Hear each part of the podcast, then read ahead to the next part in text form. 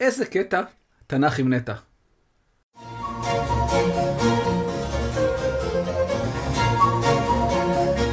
איזה קטע? תנ"ך עם נטע.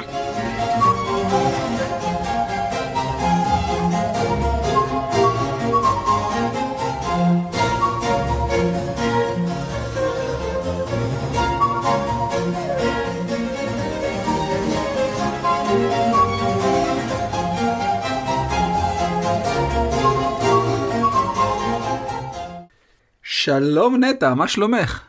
בסדר גמור, אבא. מה איתך? אני בסדר. על מה נדבר היום?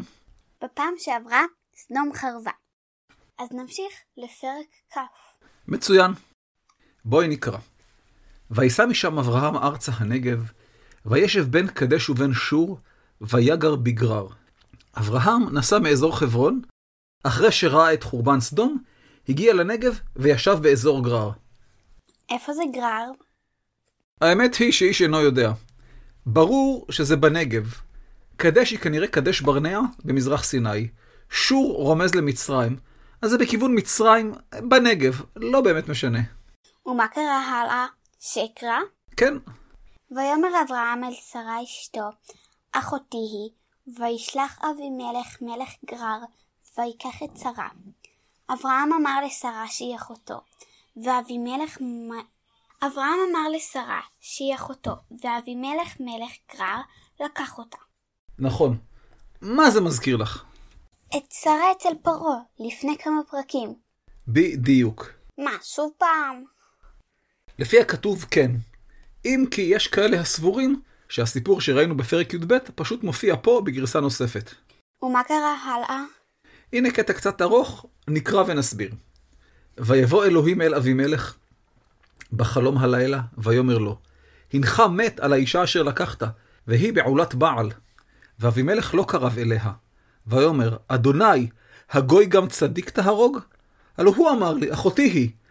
והיא גם היא אמרה, אחי הוא, בתום לבבי ובניקיון כפיי עשיתי זאת. ויאמר אליו האלוהים בחלום, גם אנוכי ידעתי כי בתום לבבך עשית זאת, ואחסוך גם אני אותך מחתו לי, על כן לא נתתיך לנגוע אליה. ועתה, השב אשת האיש כי נביא הוא, ויתפלל בעדך, וחיה. ואם אינך משיב, דע, כי מות תמות, אתה וכל אשר לך. מה הבנת? שאלוהים התגלה אליו בחלום ונזף בו. נכון. אבימלך לקח את שרה, אבל לא עשה דבר. בלילה אלוהים בא לו בחלום. אלוהים תמיד מופיע לאנשים בחלום, כמו ליעקב? לא תמיד, אבל זו אחת הדרכים שאלוהים מתגלה לבני אדם. רגע, בן אדם חולם, קם בבוקר ואומר לכולם שאלוהים התגלה אליו, ואם הוא משקר או ממציא כדי שאנשים ילכו אחריו? זו אכן בעיה. השאלה היא, האם את מאמינה לאדם שאכן הוא חלם את החלום עליו הוא סיפר, או שהוא ממציא? אין תשובה באמת. אז איך הבדילו? לא הבדילו. חשוב להבין שאנשים בימי קדם ראו בחלום אמצעי מקובל להעברת מסרים מאלוהים. אז אם האמנת לאדם באופן כללי, היית מאמינה לו שהוא חלם וקיבל מסר מאלוהים. ואם לא, אז לא. בכל אופן, אלוהים אמר לאבימלך שהוא עומד להרוג אותו, כי הוא לקח אשת איש.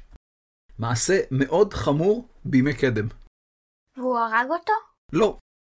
אבימלך אמר מיד שהוא חשב שהיא לא נשואה, אף אחד לא אמר לו. זו הייתה טעות, זה לא היה בכוונה. למעשה אברהם הטעה אותו. ממש כמו פרעה. בדיוק. ומה אלוהים אמר? הוא אמר שהוא, אלוהים הכוונה, יודע שזה לא היה בכוונה, ולכן הוא לא יעניש אותו, אבל עכשיו, כשהוא יודע, שיחזיר אותה מהר, לפני שאלוהים יתעצבן, ויהרוג אותו ואת מקורביו. וישכם אבימלך בבוקר ויקרא לכל עבדיו, וידבר את כל הדברים האלה באוזניהם, ויראו האנשים מאוד. מה הבנת?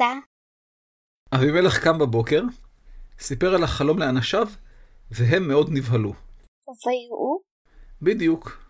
הנה, יראו, כלומר, יפחדו, כמו יראה. פלוס וו ההיפוך שווה ויראו. הם פחדו. אני זוכרת. מצוין. דבר שני, אבימלך קרא אל אברהם. ויקרא אבימלך לאברהם, ויאמר לו, מה עשית לנו? ומה חטאתי לך? כי הבאת עלי ועל ממלכתי חטאה גדולה. מעשים אשר לא יעשו עשית עמדי. ויאמר אבימלך אל אברהם, מה ראית כי עשית את הדבר הזה? נזף בו. אמת. במילים אחרות, אברהם, מדוע שיקרת לי? הלא, אילו הייתי נוגע באשתך, הייתי נענש בעונשים גדולים. בגללך כמעט מתי, ולא רק אני, כל הממלכה שלי. לא נעים. ממש לא. איך אברהם הגיב? בצורה די מתנצלת. ויאמר אברהם, כי אמרתי, רק אין יראת אלוהים במקום הזה, והרגוני על דבר אשתי.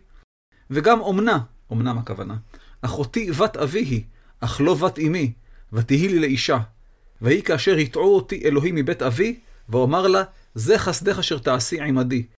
אל כל המקום אשר נבוא שמה, אמרי לי אחיהו. מה הבנת? רגע, הוא התחתן עם אחותו? כן, תכף נראה את זה. אברהם אמר שהוא פחד כי אין במקום הזה יראת אלוהים. מה הכוונה? שההתנהגות המוסרית של האנשים שם היא לא משהו, כלומר היחסים בין אדם לחברו. הוא פחד שהם יהרגו אותו ואז יוכלו לקחת את אשתו. כי היא אלמנה? בדיוק. חוץ מזה, הוא לא ממש שיקר. היא חצי אחותו. לא מצד האימא, אבל מצד האבא. זה בסדר? לא. חוקי התורה אוסרים במפורש חתונה בין אחים או חצאי אחים. אז מה אברהם עשה? יש פה בעיה שאני לא יודע להסביר אותה. אולי היא אחיינית שלו, שזה מותר לפי החוק. בכל מקרה, יש פה חתיכת בעיה שאין לי פתרון עבורה. הוא ביקש ממנה להגיד תמיד שהיא אחותו? כן, כך כתוב. הסיפור בעייתי, אני מודה. מה קרה בהמשך? ויקח אבימלך צאן ובקר ועבדים ושפחות ויתן לאברהם וישב לו את שרה אשתו. ויאמר אבימלך הנה ארצי לפניך בטוב בעיניך שב. ולשרה אמר הנה נתתי אלף כסף לאחיך הנה הוא הנה הוא לך כסות עיניים לכל אשר איתך ואת כל ונוכחת. כמו עם פרעה, גם אבימלך נתן לו פיצוי גדול והחזיר את אשתו. בדיוק, ככה סגרו את הפרשה בפיצוי, אבל יש פה משהו מעניין. מה? שימי לב. ויתפלל אברהם אל האלוהים, וירפא אלוהים את אבימלך ואת אשתו, ועמהותיו, השפחות שלו הכוונה, וילדו. כי עצור עצר אדוני בעד כל רחם לבית אבימלך, על דבר שרה אשת אברהם. מה הבעיה? אברהם התפלל, ואלוהים החזיר הכל למצבו. נכון, אבל מתברר שאלוהים עצר את הרחם, כלומר הפסיק את הלידות בממלכה של אבימלך. אז?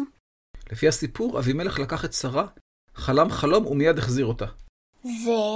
אבל פה מתברר שאלוהים העניש את אבימלך, למרות שבחלום הוא אמר שלא יעשה זאת, וגם את אנשי ממלכתו, ויותר מזה. מה יותר מזה? אלוהים עצר כל רחם, כלומר גרם לכך שלא יהיו הריונות בעיר גרר. אז? זה שנשים לא נכנסות להיריון, זה לא משהו שמבחינים בו תוך יום או יומיים. זה תהליך של כמה חודשים, פתאום שמים לב שאף אחת לא בהיריון. רגע, אתה אומר בעצם שכל הזמן ששרה הייתה אצל אבימלך זה כמה חודשים? כן, למרות שהסיפור מציג את זה כאילו זה היה תוך יום יום או יומיים? כן, מוזר, ואיך אתה מסביר את זה? אני לא מסביר את זה. נשאר לא ברור? כן, אבל סיפור יפה. נכון. ומה הלאה? זה סוף הפרק. אה, באמת? אז על מה נדבר פעם הבאה? למשפחה הצטרף בחור חדש. יצחק? בדיוק. להתראות אבא. להתראות נטע. איך היה?